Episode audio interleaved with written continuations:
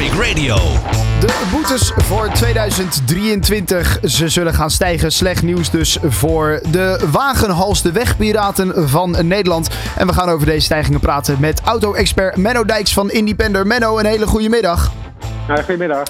Ja, ze worden dus weer uh, nou, flink duurder. Een gemiddelde stijging van 10%, hè? Ja, het is echt stevig, ja. Zeker als je kijkt naar uh, afgelopen jaren. Is het uh, aankomend jaar een hele stevige verhoging van, van bijna 10%. Ja. En als ik kijk naar dit jaar was het maar 2% verhoging ten opzichte van het jaar daarvoor. Dus dit is wel ja, een hele flinke. En vanwaar deze nou ja, bijzonder hoge stijging dan?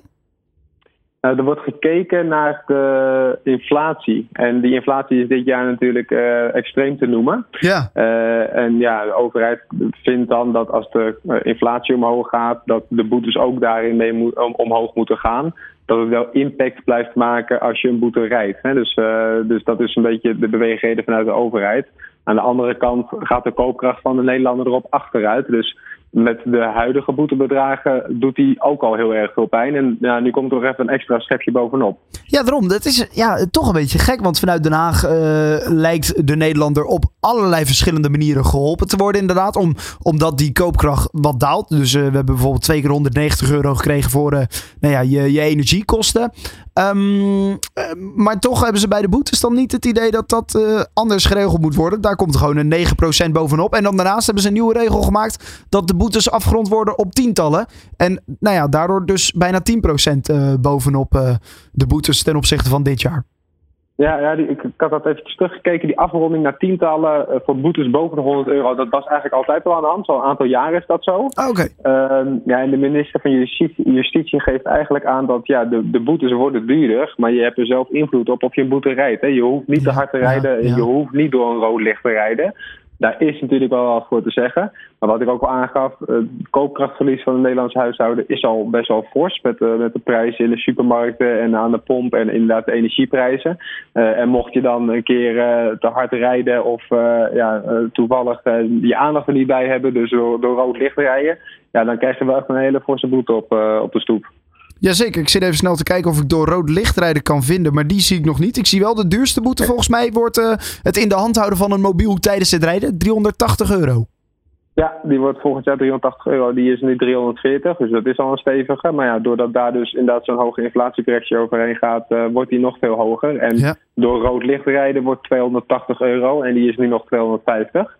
Dus uh, ja, daar schrik je wel van als je die op de mat hebt liggen. Ja, ja inderdaad. Zijn er nog boetes die uh, puur op het basis van we vinden dit belangrijk om te controleren duurder zijn geworden? Dat zagen we bijvoorbeeld wel in 2020 of 2022. Waarop ze zeiden, nou we willen dat hier, steviger, dat hier een stevigere boete op komt te staan. Dus we verhogen dat bedrag. Zien we dat ook voor 23? Nee, nee, we zien dat niet. Het is wel in stand gehouden. Voor mij ging dat toen ook over parkeren op een gehandicapte parkeerplaats. Die ja. is ook nu, weet niet exact, maar ook ergens rond de 280 euro. Dus dat wordt nog steeds wel heel zwaar bestraft. Uh, maar ze hebben niet specifieke overtredingen extra verhoogd. Dat, uh, dat is uh, voor volgend jaar niet de situatie. Ja. Nou, ik zie zelfs dat die 350 euro is. Onterecht parkeren op een gehandicapte ja, parkeerplaats. Ja, ja. Dus, en je hebt ook nog onterecht klaksoneren. Die, uh, die is ook uh, erg hoog en die hebben ze toen allemaal verhoogd omdat ze daar echt een halt voor wilden toe, toeroepen. maar dat soort stijgingen bij specifiek overtredingen zal volgend jaar niet plaatsvinden. Nee, toch vanuit de, de, Tweede Kamer in Den Haag is er nog wel nou ja, vraag van is dit allemaal nodig? Gaat hier nog iets aan aangepast worden? Of zeg jij dit is nou ja, klaar, dit is hoe het is en hier moeten we het in 2023 mee doen?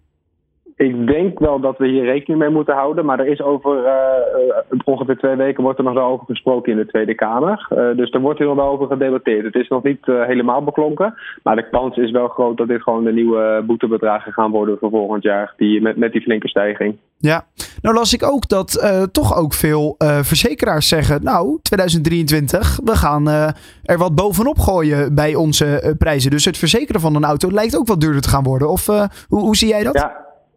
Ja, er zijn al een aantal verzekeraars die daarin uh, indexering, indexering, hebben toegepast. Eigenlijk loopt de verzekering altijd een beetje erachteraan. Dus je ziet die inflatie van de, nou, de, de, kosten voor het repareren van een auto, die zijn al wat langer natuurlijk duurder. Ja. En uh, verzekeraars kijken altijd over een termijn van jaren. En die passen daarna hun tarieven daarop aan. Maar ze hebben ook wel een vooruitziende blik en zien ook wel dat als een auto nu gerepareerd moet worden, een nieuwe bumper of een uitgedeukt moet worden, dat die kosten best wel flink omhoog gaan.